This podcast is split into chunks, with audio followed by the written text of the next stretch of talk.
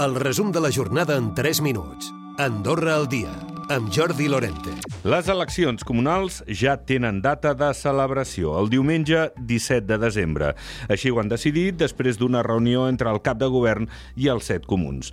Una data escollida que farà que la campanya electoral tingui lloc enmig del pont de la Puríssima, que recordem té una alta afluència turística. L'executiu ha defensat que no ha de tenir, això sí, cap impacte en els comicis. Per cert, parlant de demòcrates, l'exsíndic general i ambaixador a Espanya, Vicenç Mateu, és el nou secretari general del partit.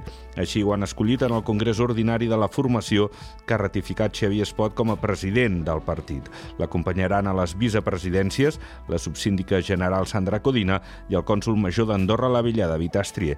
També ocupen nous càrrecs a l'organigrama de demòcrates l'exministra d'Educació Esther Vilarrubla i la consellera general Meritxell López com a tresorera. I en un altre ordre de coses, renovar la llei del català era una necessitat després de més de 20 anys de recorregut de l'actual i el govern ha posat doncs fil a l'agulla amb l'aprovació del projecte de llei de la llengua oficial, que entre altres canvis inclou l'obligació d'acreditar nocions bàsiques de català per obtenir exclusivament la primera renovació del permís de residència i treball.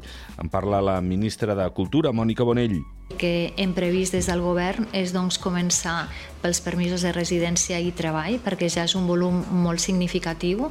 Hem d'entendre que una de les, un dels objectius de la llei és aquesta atenció mínima doncs, a totes les persones que treballen de cara al públic. I això no vol dir que en funció de com eh, anem valorant eh, la implementació de la llei es pugui ampliar o no.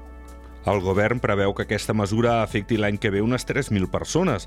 S'haurà d'acreditar tenir un nivell mínim A1 amb una prova, segurament oral, i si no és així, caldrà passar un curs de 30 hores del nostre idioma.